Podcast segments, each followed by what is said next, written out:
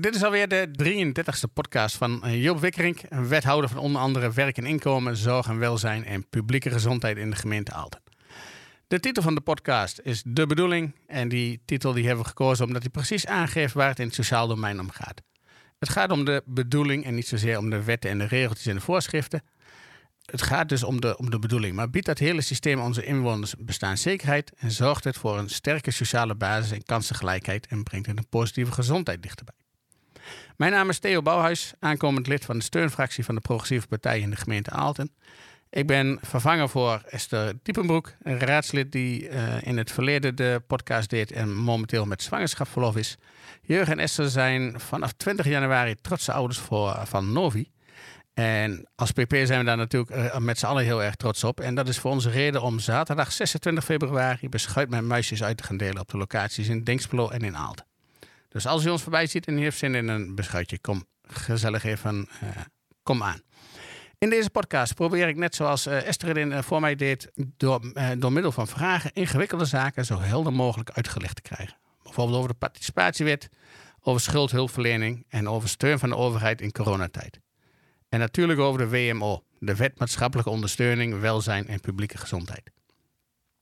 We hebben nog heel wat onderwerpen staan. Vorige keer noemde ik al even het basisinkomen. En Joop, jij wilde graag nog iets kwijt over de arbeidsmarkt en het actieplan Jongeren. Als we met dat laatste beginnen, wat is het actieplan Jongeren? Ja, het doel van dat plan, dat is een achterhoeksplan. Het doel van dat plan is heel simpel. Alle jongeren tot 27 naar school, aan het werk of in een zorgtraject. Dus niemand op de bank, om het zo maar eens te zeggen. Ja. En dat is heel makkelijk gezegd natuurlijk. Uh, maar er zijn zoveel omstandigheden waar jongeren mee te maken hebben. Zoveel instanties ook waar ze mee te maken hebben. Dat het soms wel eens voorkomt uh, dat jongeren onder de radar verdwijnen, zoals wij dat dan zeggen. Mhm. En uh, ja, geen opleiding volgen. Uh, of een opleiding afbreken. Of van baantjes heen en weer hoppen van vakkenvuller hier tot vakkenvuller daar. En, en niet aan hun zeg maar kwalificatie en, en toekomst werken. Dus vanuit de regio Achterhoek met een heleboel organisaties. Bijvoorbeeld uh, uh, het Graafschapcollege, maar ook het RMC. Dat is het regionaal meldcentrum voor schoolverlaters. Dus als jij ongeoorloofd verzuimt, dan wordt dat daar uh, netjes door de leerplicht ambtenaar gemeld. Maar ook Laborijn en een aantal andere instanties die zich met jongeren bezighouden. Die hebben gezegd van oké, okay, wij moeten zorgen dat er geen jongeren tussen wal en schip valt. Nou, dat is eigenlijk het actieplan jongeren. Oké, okay, en zijn daar ook echt uh, mogelijkheden voor? Want ik kan me voorstellen als iemand 20 is, dat je als overheid niet zo heel veel meer te zeggen hebt op het moment dat hij op de bank wil blijven liggen. Nee, dat klopt. En, en uh, uh, dat zeg ik net van, soms zijn die instanties en die wetten en die regels wel zo tegen elkaar werkend. Dat het dus een goed idee is om eens een, een, een project, een, een traject, een plan te bedenken waar je door die regels heen, heen gaat. En dat is precies dit actieplan. Dus het maakt niet zoveel uit of een jongen naar school gaat uh, en daar niet goed naar zijn zin heeft en eigenlijk naar iets anders moet. Of uh, schoolverlater is en heel veel verzuimd. En uh, dat er eens gekeken moet worden. Ja, misschien is school helemaal niks voor hem, maar moet hij aan het werk. Mhm. Of dat iemand ontslagen is. bijvoorbeeld in de coronatijd was dat in de horeca, ging dat nog wel eens maar die eigenlijk naar een andere branche moet. En nou ja, dan hebben we dus in dat actieplan hebben we jongerenconsulenten. Die ook de taal van de jongeren spreken. En zeggen, nou oké, okay, okay, wat wil je, wat kun je? En kunnen we daar komen op de een of andere manier? Ja. Uh, dus heel laagdrempelig. Ook niet met de achtergrond van een dreiging, van een uitkering of wat dan ook. Want veel jongeren natuurlijk hebben nog helemaal geen uitkering als ze nog geen 18 zijn. Uh, maar goed, ook, ook dat kan natuurlijk een hele belemmering zijn. Dat jij uh, geen geld hebt, uh, geen idee hebt waar je heen moet. Nou, en, en daar is zo'n actieplan voor om te kijken hoe kunnen we nou die jongeren helpen. Nou, we hebben van de provincie ook een beetje geld gekregen en daar het project De Rode Loper in dat onder dat actieplan gebracht. Nou, en daar heb je een paar leuke instrumenten. Bijvoorbeeld als een jongere bij een werkgever een soort proefperiode wil uh, ondergaan, dus een soort stage wil lopen. Nou, je hebt bijvoorbeeld in, in het groen, ik noem maar wat, ja, dan heeft zo'n jongen wel eens werkschoenen nodig. Uh, want ja, je moet wel veilig kunnen werken. Ja. Nou, daar is dan vaak geen geld voor. Nou, dan kun je uit dat potje kun je dus vrij snel, zonder allerlei bureaucratische rompslomp, kun je zeggen: Oké, jij moet daar stage lopen, heb je werkschoenen nodig. Uh, dan betalen we dat uit dat potje. Een beroemd voorbeeld was altijd die kappers die op de MBO-opleiding uh, kappen zaten. Die moesten zo'n hele koffer hebben met allerlei instrumenten. was bijna niet te betalen. Nou, ja, de school doet wat. En dan zou je dus ook kunnen kijken van, nou, kan vanuit dit actieplan ook wat gedaan worden. Vervoerskosten is ook één. Uh, sommige jongeren die vallen buiten allerlei abonnementen van treinen en zo. Hmm. Dat hangt van de opleiding af, hangt van de leeftijd af. In al dat soort dingen waarin die regeltjes net niet op elkaar aansluiten, kun je een kleine bijdrage doen in, ja, in de opleiding en in het werken van jongeren. Oké, dus eigenlijk gewoon echt de, de, de randvoorwaarden om het mogelijk te maken. Ja, ja. en nou. eigenlijk zouden die natuurlijk uit de normale instrumenten moeten komen. Ja. Maar goed, dat, dat past dus niet altijd. En dat ja, wordt ook wel natuurlijk veel over geklaagd. De ene gemeente die heeft deze procedure, het UWV heeft die procedure. En weer een andere gemeente heeft weer een andere regels. Nou, en, en men probeert dus door dit actieplan proberen we dat een beetje te doorbreken. En natuurlijk ook, uh, wat in dit actieplan heel erg belangrijk is, hoe kom je nou in contact met jongeren? Want ik zei net, er zijn jongeren die wel onder de radar blijven. Nou, dat doen jongeren ook niet altijd maar zo. En daar, ja. daar hebben ze een reden voor. En je wilt die jongeren graag bereiken. Nou, dat, dat is wel heel erg leuk. En uh, daar zitten die consulenten, die doen dus heel veel via sociale media. En uh, nou ja, op 18 februari uh, was er een presentatie van dit hele actieplan. Voor de eerste keer weer op het stadion de Vijverberg. Daar mochten we weer met 70 man bij elkaar komen om, ja. om, om over werk te praten en over ervaringen uit te wisselen, ook met deze consulenten. Nou, en die vertelde ook, ja, wij zijn gewoon begonnen met dingen op Instagram, op uh, Facebook en op Twitter dan niet zo veel, maar echt vooral ja, Instagram de, de en Facebook. heel veel ja. op Twitter, denk ik. Ja, en, en Snapchat, TikTok deden ze geloof ik niet. Maar goed, op een gegeven moment zei en ook de communicatie zo van niet, niet, niet bevooroordelend of zo, maar gewoon zeggen: hé, hey, zeg jongeren, jij wilt wat en wij hebben een paar cent. Kunnen we ja. jou helpen? Ja. Er is een, een filmpje opgenomen met Ted van der Pavert van de Graafschap. Nou, die is ontzettend vaak is die, uh, bekeken en geliked en doorgedeeld. En die zei ook maar heel simpel van... Jij wilt wat? Je weet misschien nog niet precies wat. Hm. Maar wij willen je helpen en we hebben er nog een paar cent voor over. Dus daarom hoef je niet te laten. Neem contact op en, uh, uh, en zo gaan we verder. Nou, en en dan, dan kan er bijvoorbeeld een voucher verstrekt worden. Hè? Dus een, een soort bon waarin zo'n jongen dan naar een werkgever kan gaan en zeggen... Moet kijken, ik heb een voucher van 1500 euro, ik noem maar wat... Als jij mij nou aanneemt, dan kunnen we met die voucher kunnen we, uh, nou, die werkschoenen bijvoorbeeld kopen. Of je kunt wat begeleiding inkopen of wat scholing. We kunnen het ook combineren met allerlei scholingsmaatregelen. Nou, zo proberen we dus om een beetje onorthodox ja, jongeren die niet helemaal de gebaande paden lopen, om die uh, ja, toch onder te brengen op een opleiding of bij een school of bij een werkgever. En nou ja, ik heb wat cijfertjes. Uh, ze zijn in, uh, midden in de coronatijd, uh, in zomer 2020 zijn ze begonnen. Mm -hmm. En eind vorig jaar, eind 2021, was er dus al contact geweest en, en begeleiding geweest met 200 jongeren in de hele Achterhoek. En die zijn ook, er zijn bijvoorbeeld 62 van die vouchers zijn erin ingezet met een totaalbedrag van uh, 60.000 euro. Dus dat is best veel. Zo, ja, uh, best dus dat duizend per voucher ongeveer om, ja. om zo'n setje te kopen of werkschoenen of, of wat dan ook. Uh, nou, en nou ja, waar, waar, waar, besteden ze dat dan aan? Bijvoorbeeld aanschaf van studiemiddelen, een proefplaatsing die dus ja, wat geld kost of wat reiskosten, begeleiding. Dus, dus als je ja, een coach moet hebben die buiten de normale kaders valt. Daar zou je hem aan kunnen besteden. En het vervoer uh, naar werk. Hè, ja, dat is ook een belangrijk. Ja, want, ja. Uh, zeker hier in de buurt. Je, zeker, krijg, je niet alles met openbaar vervoer. Uh. Ja, ik had er een, zelf nog wel zo'n mooi voorbeeld van. Er was een meisje die vanuit UWV een soort stage of proefplaatsing had in een bedrijf in Bredevoort. En nou ja, dat ging niet goed uh, met dat meisje in haar relatie. Dus die, uh, die ging weer naar huis. Haar vader en moeder die woonden in Enschede. Dus die ging weer thuis wonen. Maar wilde eigenlijk best bij dat bedrijf blijven. Alleen, ja, had geen vervoer. Ja, en, en dus daarom is ze daar ook weggegaan. En eigenlijk is dat wel jammer, want ze zat daar wel mooi op de plek.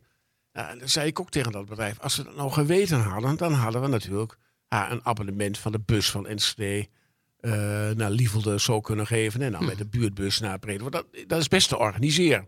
Maar je moet het ook allemaal weten, dat soort dingen natuurlijk. ook als je, je, je moet Ja. het ook allemaal weten. Maar is het dan niet ook zo dat eh, op het moment dat eh, je zo'n iemand eigenlijk al op een goede plek hebt geholpen, dat, hij dan, dat je die in ieder geval hebt geholpen om te weten wat ze, wat ze wil en wat ze kan? Ja. Dus dat ze dan, eh, nu ze in Enschede woont, waarschijnlijk eh, eh, toch in ieder geval Gaat een weer richting naar heeft. een ander UWV natuurlijk. En naar een Ja. ander, ja. ja, Ja, maar dan, weet- dan weet ze wel wat ze kan en wat ze wil. Dus dan is het wat makkelijker zoeken. En ik Ja. denk dat dat vaak ook voor een jongere een probleem kan zijn. Nee, dat is inderdaad wel waar.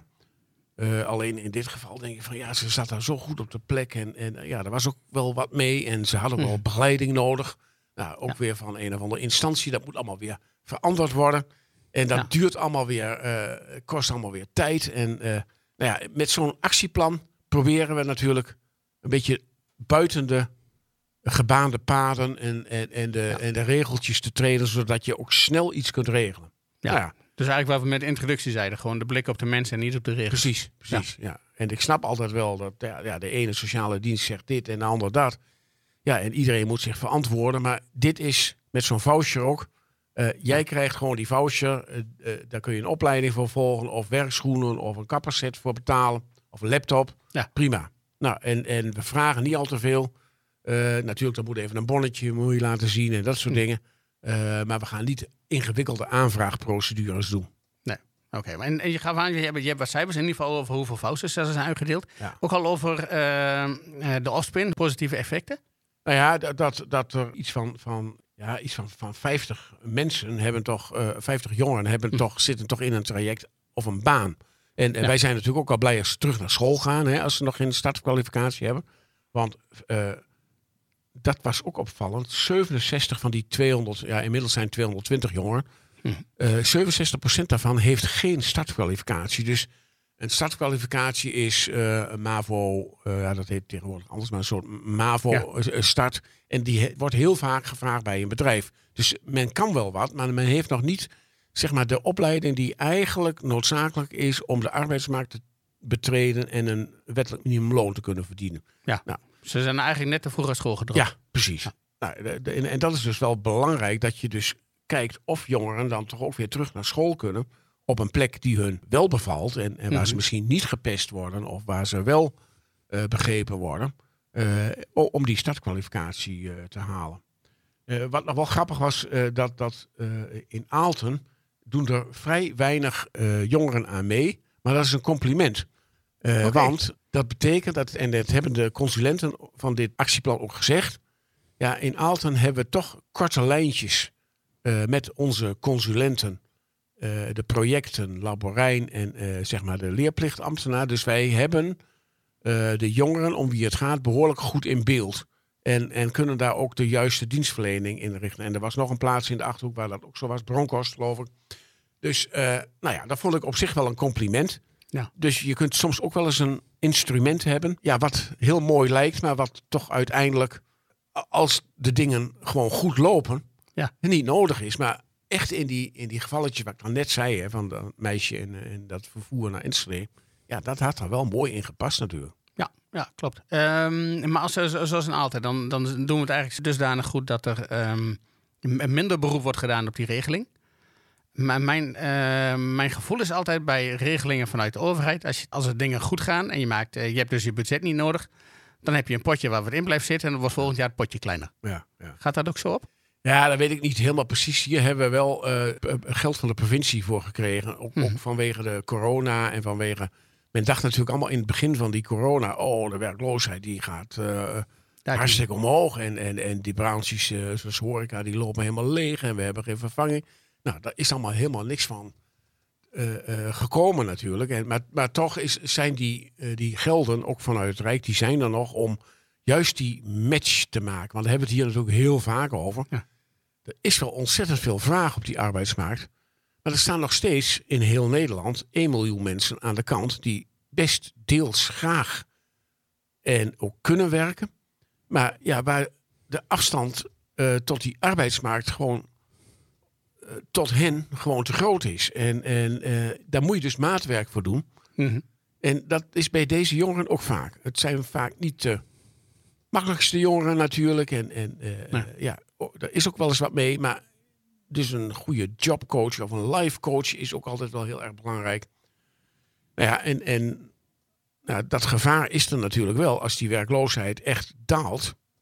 eh, dat dan de overheid zegt, nou ja, gemeente, dan krijgen jullie ook minder geld. Maar we zitten daar ook wel heel goed op, in het vinken, op het vinkentouw in Den Haag.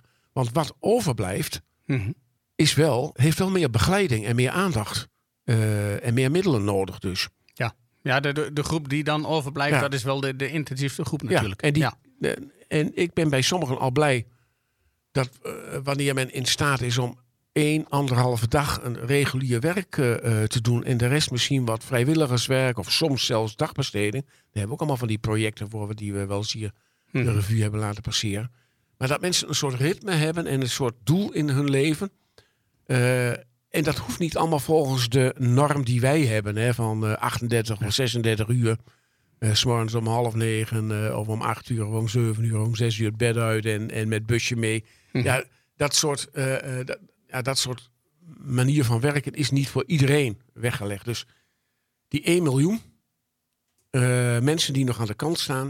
Ik wil daar straks ook nog even iets over zeggen, als dat mag, over de arbeidsreserve. Eh, als we die aan het werk kunnen krijgen, dan hebben we al een hele boel eh, van die vraag naar arbeid hebben we dan opgelost. Ja, ja dat, we- en dat voordeel werkt aan twee kanten. Je hebt en minder werklozen, dus minder, minder aan de uitkeringskant en dergelijke. Ja. En je hebt, eh, de, de, de werkgever heeft meer mogelijkheden Ja. om mensen aan het werk te krijgen. Goed, maar dan komt nou het belangrijke punt. Ook bij de kant van de werkgever zal iets moeten veranderen. Het is niet meer dat wij in rotten van tien de meest geschikte werknemers hebben klaarstaan. Die, net zoals wat ik net zei, s'morgens om acht uur op kantoor verschijnt. Om vijf uur weer weggaat. Tussen de middag zijn boterhammetje oppeuzelt. En dat vijf dagen in de week. Eh, en die eh, constant die vijf dagen, acht uur per dag, keihard werkt en zijn best doet.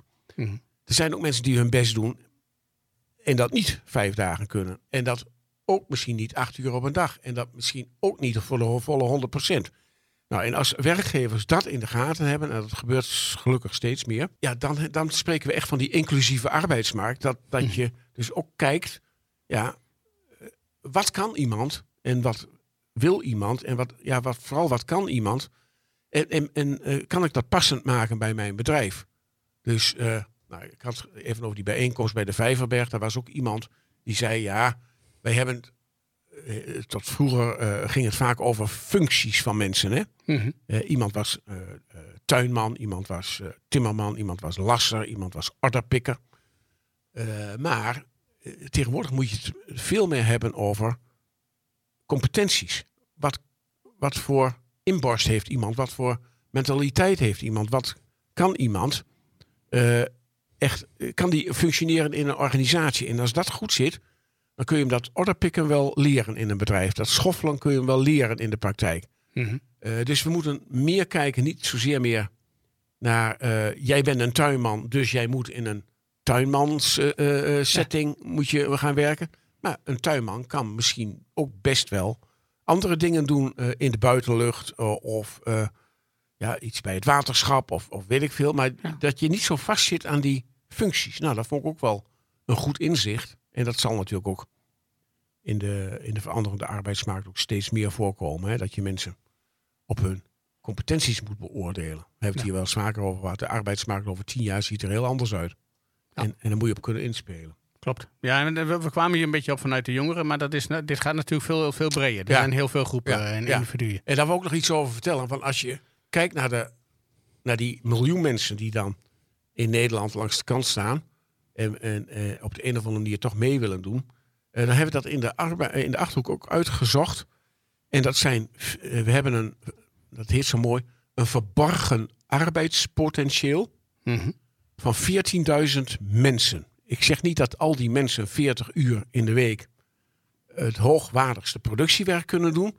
Maar we hebben 14.000 mensen die aangeven, of dat is onderzocht, wij Hmm. zouden meer willen werken. Wij zouden eh, eh, eh, volledig willen werken. We hebben nu een part-time baan en we willen wel meer. Dus er zit een arbeidspotentieel verborgen van die 14.000. En de kunst is natuurlijk om dan op zoek te gaan. Onder welke omstandigheden halen we dat naar boven? Nou, volgens mij heb ik het voorbeeld hier wel vaker genoemd. Bij een grote transportonderneming in Sierenberg. Daar hebben ze, dat zijn ook van die warehouses waar ze moeten Ja. om- en verpakken. Daar hebben ze nou de werktijden op schooltijden aangepast. Dus dat betekent dat, eh, dat was voor, bedoeld voor alleenstaande ouders, maar nou, dat betekent dus inderdaad, en zeker in deze coronatijd was dat wel makkelijk, dat, dat dus ouders, eh, als ze een kind van school eh, moesten halen, dan hoefden ze niet per se tot vijf uur bij dat bedrijf te zijn. Nou, dat soort dingen kun je denk ik eh, anders organiseren en dan krijg je meer mensen aan het werk. Ja, En, Nee, en dat is eh, precies wat, bedoeld, eh, wat Ja. de bedoeling is. Ja, je noemde het ook al de, de, de mensen die niet zo die niet morgens om acht uur aan het werk krijgt. We hebben natuurlijk ook heel veel bedrijven die in ploegen werken. Dus je kunt ook Ja. kijken of je dan niet steeds met die ploegen gaat wisselen. Ja. Maar dat je gewoon een late ploeg hebt. Ja, en, en daar vind ik ook wel weer, daar moet je ook wel heel goed. Wel, ik herinner me nog dat we dat eh, in, heel wel in het begin bij PostNL. Die zat toen ook in Hengelo, daar werkte ik toen.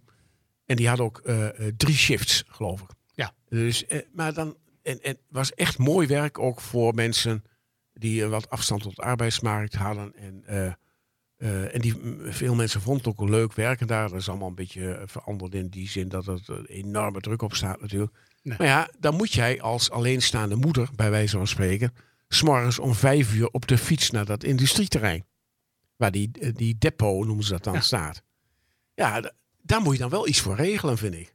Eh, want dat, dat, gaat, dat, dat is niet zo aantrekkelijk en soms niet zo veilig. veilig. Of, of, Nee, of je woont in, in, in Borkelo en je moet eh eh, 's morgens om zes uur in, in Varsveld zijn bij de eerste ploeg. Ja, niet iedereen heeft een autootje natuurlijk of een brommer.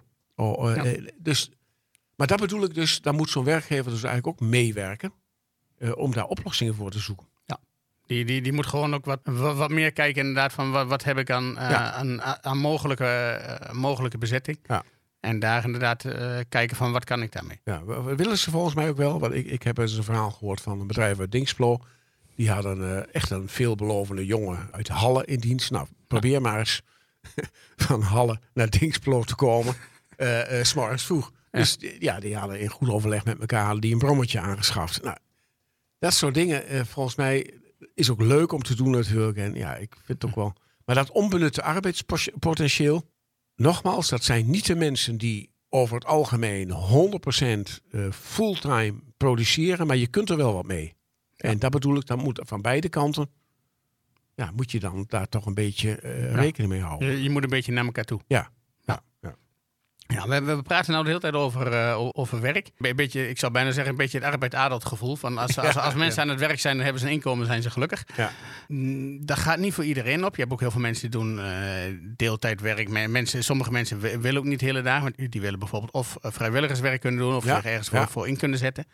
Ehm, we hadden het de vorige keer al even over, tenminste we, we tipten het aan, van, van hoe zit dat met basisinkomen? Kan dat ergens een middel zijn? Kan dat een oplossing zijn voor dingen? Hoe kijk je daar tegenaan? Ja, ik denk, Kunnen wel, daar wat mee? ja, ik denk wel dat we steeds meer in de richting komen om daar eh, verder over na te denken. Ik heb wat contacten met de vereniging Basisinkomen in Nederland. En die eh, zijn heel erg met de politieke lobby bezig, bijvoorbeeld in Den Haag. En die zeggen 67% eh, van de mensen in Nederland... die voelen voor een of andere manier van basisinkomen. Mhm. Eh, alleen hoe en wat eh, is zo waanzinnig ingewikkeld. Want je hebt het over al die toeslagen die dan bijvoorbeeld afgeschaft moeten worden. Je moet iets in de belastingsfeer doen. Je moet iets in de premiesfeer doen. Eh, nou, in het vorige kabinet zijn er ook gesprekken over geweest. Toen was Wouter Koolmees nog minister. En, en ja, die voelde daar op de een of andere manier. Maar uiteindelijk ja, kapt het dan toch af bij de ingewikkeldheid van de regelgeving. Dus ik zie dat dat. is op zich heel, heel apart, want je zou eigenlijk zeggen, eh, met name juist dat basisinkomen. Ik, ik heb in het verleden al zoiets gelezen, over, volgens mij was het Finland waar ze een test ja, hebben gedaan. Finland, ja. ja. En daar zat juist de winst in het eh, eenvoudiger maken van de regels. ja. Nou, en, en in Finland was ook zo mooi, waar we het net over hadden. Dat juist dat verborgen arbeidspotentieel. Ja. dat dat naar boven kwam. En eh, dat het aantrekkelijk voor hun was om, eh, laten we zeggen, drie, vier dagen of, of twee dagen te gaan werken. En dat aangevuld met dat basisinkomen, konden ze bijvoorbeeld eh, een studie blijven volgen of eh, voor hun oude moeder zorgen in een mantelzorgsituatie. Dus het heeft, en daar zijn ook talloze onderzoeken van, het heeft echt veel voordelen. Ja. Maar het is kennelijk zo ingewikkeld om te re- regelen. En nou ja, Ja, maar, maar zit dat in de ingewikkeldheid? Of beginnen er op een gegeven moment dan, op het moment dat dit geopperd wordt, een heleboel van die ambtenarenorganisaties een beetje te piepen en te kraken, dat ze denken van, ho, ho, maar dat, dat Zou kan niet, want we, we hebben dat nou zo, zo goed voor elkaar en we, Nou. we regelen dit allemaal. Wat moet er gebeuren als wij onze burgers niet meer regelen? Ja, nee, ja, sterker nog, als je het helemaal doorvoert basisinkomen, dan heb je dus eh, de afdeling toeslagen bij de Belastingdienst niet meer nodig. Dan heb je de UWV voor een groot deel niet meer nodig. Nee. Dan heb je de werkloosheidsvoorzieningen voor een groot deel niet meer nodig. En dat zijn Dus toch organisaties die niet bekend staan om, om snel te schakelen. Dat en, en, en natuurlijk ook heel eh behoudzuchtig in de zin van wij hebben het zo geregeld, eh, zo doen we het altijd. En eh, dat blijven we ook altijd zo doen. Ja. En nou, kijk naar de Belastingdienst, hoe, hoe die nu onder vuur ligt. Hm. Ook vanwege zijn ICT natuurlijk, maar dat ze niet eens in staat zijn om bijvoorbeeld een verlaging van de BTW op, op gezonde producten, om dat direct in te voeren. Dat duurt tot 2025 voordat ze dat in kunnen voeren vanwege hun automatiseren. Nou, dan kunnen wij ons toch helemaal niet voorstellen dat dat, eh, dat, dat, dat, dat het zo moeilijk is. Dus ja, het is moeilijk om het hele systeem eh, om te gooien. En je hebt ook wel wat, wat interne weerstanden natuurlijk. Mhm. We hebben hier in Aalten een groepje gevormd dat nadenkt over dat basisinkomen. En dan heb je eigenlijk twee stromingen. Eén die zegt we moeten gewoon eens beginnen. En dan het liefst regionaal. En dan net zo doen alsof we, alsof we dat basisinkomen er is. Want eh, ja, je hebt nog met die premies en die toeslagen te maken. Maar laten we dat eens eh, gewoon op papier uitrekenen wat er dan gebeurt. Dat is ook al ingewikkeld. En een tweede groepje die zegt van, nou misschien moeten we eh, eens kijken naar een heel ander systeem. En daar wilde ik graag nog iets over vertellen. Dat is het systeem, het collectief kapitaal. En de initiatiefnemer daarvan, dus Denise Harleman, dat is een kunstenaar, een theatermaker. Die heeft dat systeem bedacht en, en uitgewerkt in Amsterdam, eh, in de wijk Buikersloot. En is nu in Rotterdam bezig. En ik heb gevraagd, kom nou eens naar Aalten. Heel, heel wat anders dan Buikersloot in Rotterdam. Met onze 260 mensen met een uitkering of eh, eh, met de bijstand. En onze eh, 320 mensen met een WW-uitkering. ongeveer 1000 mensen die minimum inlo- inkomen hebben.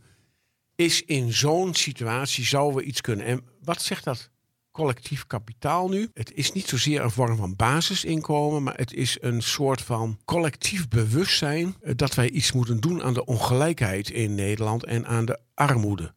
Dus zij heeft 100 mensen in Amsterdam bereid gevonden om eh, 50 euro per maand in een pot te doen. Mhm. Eh, dat is dus 1200 euro, maar 100 is dus eh 120.000 euro. En daarma- daarvan kunnen zij vijf mensen ongeveer 15.000 euro per jaar, 1000, zij werken geloof ik met 1000 euro per maand aan eh, eh, ondersteuning geven. Mhm. Dat zijn mensen eh, die door bijvoorbeeld de coronacrisis hun werk zijn kwijtgeraakt als ZZP'er. Kijk, in Amsterdam en in, in, Rotterdam, eh, de helft daarvan is geloof ik ZZP'er. Ja, ja, ja, dat Eh, zijn er eh, steeds meer. Ja. En, en, eh, en dan ook een ZZP'er, eigenlijk een gedwongen ZZP'er. Hè? Mhm. Iemand die in de bouw ontslagen is in dat tijd en zei... ja, je mag wel terugkomen voor, minder, voor de helft van het geld en als ZZP'er. Dat, dat soort toestanden zijn er nog steeds. Eh revolutionaire in, dit- is- in dit systeem is dat die groep van 100... eh, die bemoeit zich niet met het leven van die vijf. Wij hebben altijd het idee, hè, als wij 50 euro of misschien nou, dus wel 600 euro in het jaar geven. Ja, dan willen we toch ook iets over de besteding weten. Hè? Eh, wordt, komt dat wel goed terecht? Nou, dat is dus hier niet zo. Eh, dat mogen mensen zelf weten die eh, meedoen met dat systeem. Daar hebben ze ook van tevoren mee ingestemd. En die mensen die meedoen, die vijf, die worden gelood. Ook heel an- anders. Hè? Dus je hebt niet ergens recht op, maar je wordt ergens gelood. En wat blijkt nu? Dat die vijf mensen die hebben gezegd: wij zijn zo ontzettend blij dat wij gelood zijn en dat wij niet met de pet in de hand en met de formulieren in de hand bij een of andere instantie moesten komen om Ja. uit te leggen dat wij het heel moeilijk hadden en dat wij ondersteund moesten worden. Nee, wij zijn gelood. En, eh, en eh, dat, ja, natuurlijk, zij maakt een deel uit van een groep die weinig inkomen had. Maar door dat loten en niet die steeds maar die verantwoording af te ho- hoeven leggen, ja, zijn ze ook heel vrij geworden. Ze hebben, wel ver- ze hebben zich wel verplicht om met een soort onderzoek mee te doen. Wat gaat er nu gebeuren als jij Ja, die je in duizend euro komt. krijgt? Ja. Ja. Nou, eh, van die vijf mensen hebben twee mensen al werk gevonden. Eh, vast werk. Eh, dus dat is al hartstikke maar. Eén iemand die had nooit geld, eh, omdat ze ZZP'er was, had nooit geld om eh, naar de tandarts te gaan. Dus die heeft die eerste bijdrage van 1000 euro, heeft ze 700 euro aan de tandarts betaald om een beetje te reguleren. Ja. Nou, hier zie je dat dat hele systeem van ons zo op kop gaat. eh, als je dus met zo'n collectief kapitaal, als je dus ook met 100 mensen ondersteunen, vijf mensen, om uit de shit te komen. En eh, nou ja, er zitten een heleboel haken en ogen van, eh, aan vast. Maar ik vond het zo'n mooie gedachte.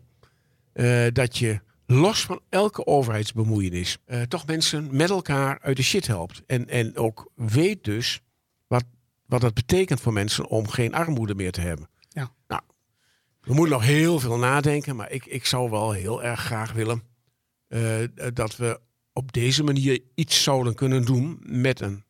Ja, wij kennen ze allemaal wel hier in de gemeenschap. Waarin wat, wat je denkt, ah, ik wou dat ik, dat ik 20.000, 25.000 euro had. En hup, dan wordt dat huis wordt verbeterd of dit wordt verbeterd. En dan kan iemand weer verder.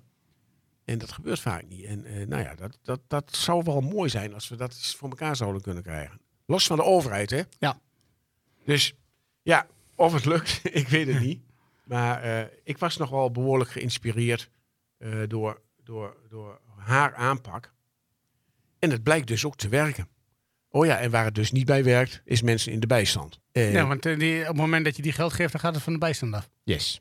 Ja. Dus, eh, en, en daar he- heeft ze heel erg veel lobbywerk voor gedaan bij het ministerie. En iedereen zegt daar ook wel van ja, het is interessant, maar het mag niet. En, en Ja. daar zitten dus weer die regeltjes in de weg. Ja. ja, en dat is denk ik een belangrijk verschil tussen een basisinkomen en bijstand. Ja. Het stimuleert veel meer, want op het moment dat je twee dagen in de week gaat werken en je hebt bijstand, nou, dan gaat het gewoon twee dagen in de week eh, van, van je bijstand niks af. op. En Nee. natuurlijk, we hebben er wel allemaal wel wat foefjes bedacht. Dat het dan een beetje wat oplevert. Hè? Dat je toch enigszins gemotiveerd wordt ook door dat je iets meer mag houden. Maar het schiet natuurlijk allemaal uiteindelijk niet erg op. Eh, Nee. eh, want weet ook, en dat blijkt ook uit dit experiment. Als jij arm bent en je hebt weinig geld. Je bent ook de hele dag druk om te overleven. En nou ja, dan kom je dus nu weer aan die enorme gasprijzen. Het, het puzzelt me enorm hoe we daar nou, hoe we daar nou uitkomen. Eh, kijk, ik, ik heb er zelf ook mee te maken. Ik kan het wel Hm. betalen. Maar als je ziet hoeveel door dat faillissement van de AFM dan, of van de, eh, de AGM, sorry. Ja. Eh, of die club die daarachter zat. Moest je naar een andere leverancier. Ja, en je hebt nu ook mensen die natuurlijk die flexibele contracten hebben. Die moeten naar een andere eh, leverancier. En die moeten ontzettend veel meer betalen. Als jij 100 euro meer moet betalen, was gisteren op de radio. CBS heeft uitgerekend 86% stijging energierekening. Ja, dat kun je toch niet betalen van een, eh, van een bijstandsuitkering. Nee. Of een, eh, een, ook niet als je werkt en je hebt een minimuminkomen. Dus hoe we dat nou, nou moeten doen. Eh, We moeten toch ook wel eh, eh, Den Haag onder druk zetten dat ze op de een of andere manier weer met compensatie moeten komen. Want je kunt niet meer zo'n 100 euro per maand missen in een bijstandsuitkering. Nee, klopt. Nee, dat, dat, dat, dat gaat inderdaad niet lukken. En die mensen die hebben dan ook niet echt meer de mogelijkheid om nog iets te doen aan isolatie of dat soort dingen. Want daar hebben ze het geld ook niet voor. Nee.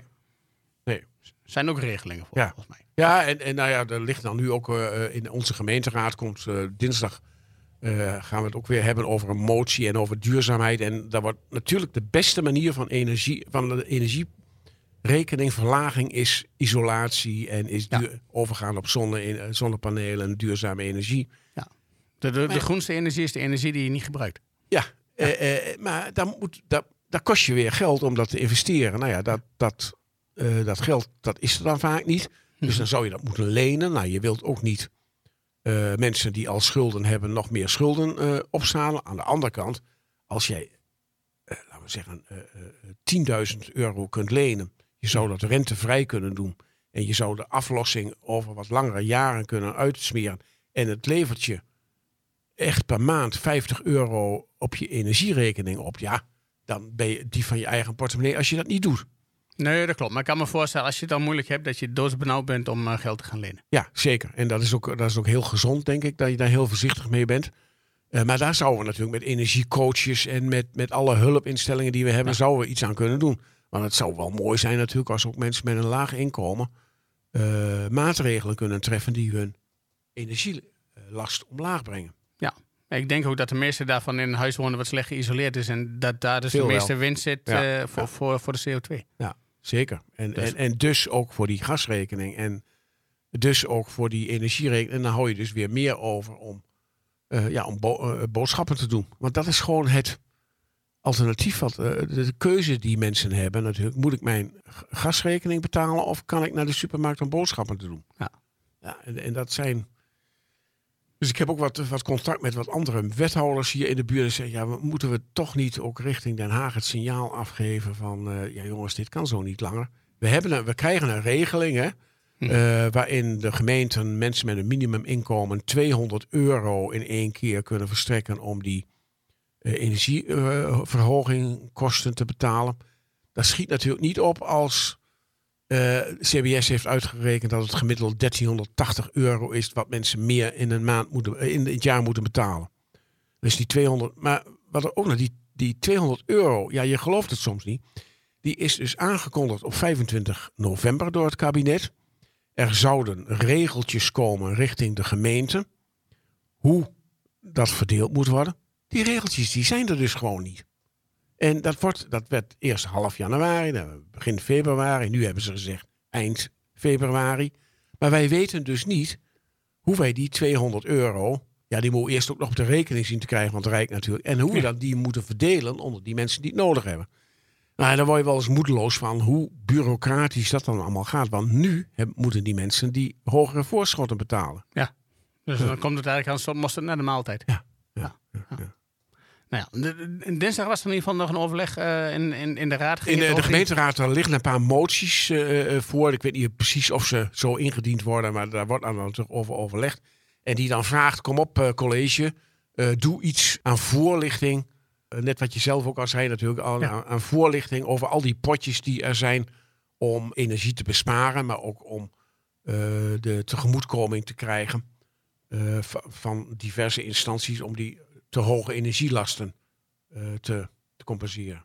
Nou. Maar ja, goed, als dat geld er nog niet is van het Rijk, dan kunnen we het ook nog niet uitbetalen. Dus, eh, Oké, dan stel ik voor dat we het daar over twee weken over ja, gaan hebben. ja, ja, kijk, waar, eh, want het zou eind februari, nou dan is het over twee weken, Ja. zou we het weten en zou we het kunnen uitkeren. Mhm. In elk geval voor de mensen met een bijstandsuitkering. En de rest, mensen die alleen bijvoorbeeld een AOW-uitkering hebben, die moeten zich dan melden bij de gemeente. Maar daar zouden landelijke campagnes voor komen en zo.